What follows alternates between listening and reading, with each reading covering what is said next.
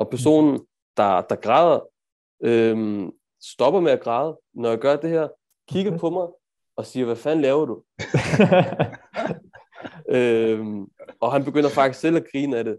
Øhm, og det var sådan lidt, jeg tænkte, okay, jeg fik ham til at grine det mindste, så han stoppede med at græde, men det var nok ikke den optimale måde at gøre det på. Og jeg havde ingen, efterfølgende havde jeg ingen idé om, hvordan jeg skulle gøre det anderledes. Man oplever nogen foran sig blive meget ked af det, øh, græde, øh, blive helt knust foran en faktisk, og hvor man ikke selv ved, hvad man skal gøre. Så man ofte står, hvis jeg tager udgangspunkt i et konkret eksempel, på et tidspunkt så var jeg sammen med en, en ung fyr, som lige havde oplevet noget. Og han bliver så rigtig, rigtig ked af det. Og det er en person, som jeg normalt kender som en hård negl. Så det overrasker mig rigtig meget, at han faktisk øhm, brød sammen på den måde.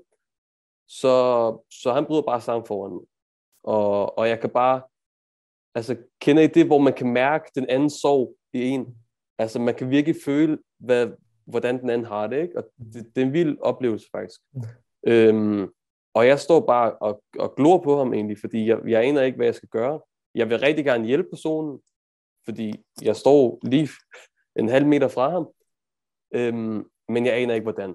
Og som børn, så kender man det der med, at pædagogerne, de lige, når man er faldet ved sandkassen, så kommer det over og trøster en, øhm, og, og det samme måske med film. Så jeg tænker, okay, men hvordan kan jeg hjælpe vedkommende? Jeg gnider bare lige min hånd op og ned af hans ryg, ikke? I kender det der med trøster en. Mm. Det, var, det var det, der lige umiddelbart var mit bud på, hvordan jeg skulle hjælpe personen. Og personen, der, der græder, øhm, stopper med at græde, når jeg gør det her, kigger på mig og siger, hvad fanden laver du? øhm, og han begynder faktisk selv at grine af det. Øhm, og det var sådan lidt, jeg tænkte, okay, jeg fik ham til at grine det mindste, så han stoppede med at græde, men det var nok ikke den optimale måde at gøre det på. Og jeg havde ingen, efterfølgende havde jeg ingen idé om, hvordan jeg skulle gøre det anderledes. Så hvis jeg havde oplevet det ugen efter, så havde jeg nok ikke lige gjort det, det samme, men jeg, så havde jeg bare stået og på ham måske, og det, det får man nok heller ikke så meget ud af. Så hvad kan man gøre, altså hvad bør man gøre, når, når der er en person foran en, som, som virkelig har det slemt og, og er ja. god? Ja. Nå, tak for den historie. Virkelig ja, godt. Ja, ja. Og virkelig godt spørgsmål, og igen et sindssygt svært spørgsmål. Og det tror jeg er noget, der kendetegner mange af de spørgsmål, du kommer med i dag. At, at, at så snart vi har med mennesker at gøre på den her måde, mm. ikke, så findes der ikke nogen konkrete svar. Altså et svar, der bare gælder i alle i alle situationer. Ikke? Det er mm. enormt situationsbestemt, og måske enormt personbestemt. Mm. Nu, nu duede din øh, klappen på skulderen ikke lige, måske, eller også gjorde den, det kan jeg ikke helt finde ud af. Men Nej, der var ikke klap, det... jeg, jeg gned ham op og ned af ryggen. Ja, lige præcis. Og, ja. og, og måske var det ikke lige det, han har brug for, hvis du gerne vil trøste og ligesom understøtte hans soveproces, eller hvad det var, han er gang i der. Mm. Øh, men måske har det virket for en masse andre. Måske har det været det helt rigtige for, for den næste, du møder mm. i den situation. Og fordi det er så personbestemt, som du siger, Mads, så kunne en idé være, at man i øjeblikket spørger personen, hvad har du behov for lige nu? Der har vi den igen. Genialt. Mm. Øh. Okay, men kan det ikke være svært, når, når vedkommende græder, og, og det hele bare ser sort ud? Øh... Jeg, kan, jeg kan godt forestille mig, at det, det vil hjælpe på nogen, men det vil måske også være sådan uoverskueligt, fordi hvis jeg ikke ved, hvordan jeg skal hjælpe personen, ved personen det selv så? Jamen, det må man gå ud fra. Man må gå ud fra, at den bedste til at vide, hvad en eller anden har brug for, det er en selv.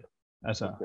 jeg må vide bedst, hvad jeg har brug for. Det er ikke sikkert, at jeg ved det, men jeg må alt andet lige være den bedste til at vide, ja. hvad jeg har brug for. Ja. Men, men, men du har helt klart ret, Anil, ja. vil jeg lige sige, at, at nogle gange så kommer man i en situation, hvor personen ikke engang ved, jeg ved ikke engang, hvad jeg har brug for i, den her, i det her øjeblik.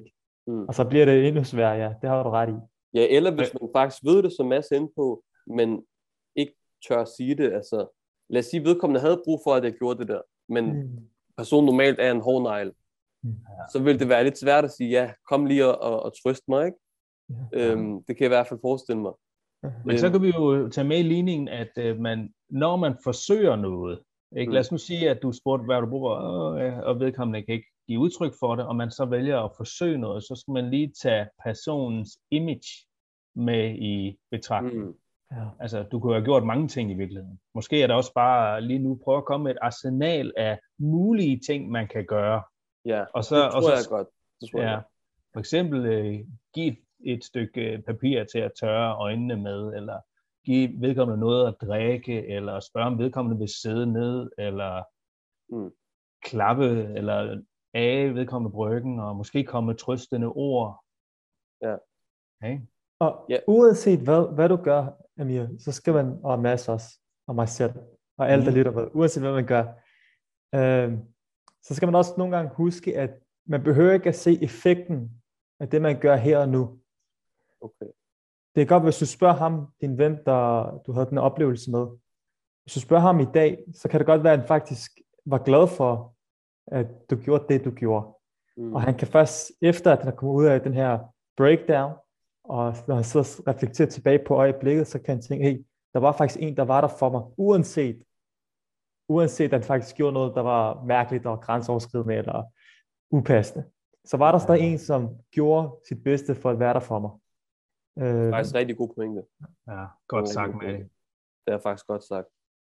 Øhm, og ja, det er faktisk en rigtig god pointe. For det kunne jo godt være, at vedkommende i momentet følte, at okay, det var faktisk ikke så godt, men senere hen faktisk tænkte, okay, han prøvede at gøre noget. Altså jeg følte, der var en omsorg fra hans side af. Det håber jeg i hvert fald, han tænkte. Under overfladen.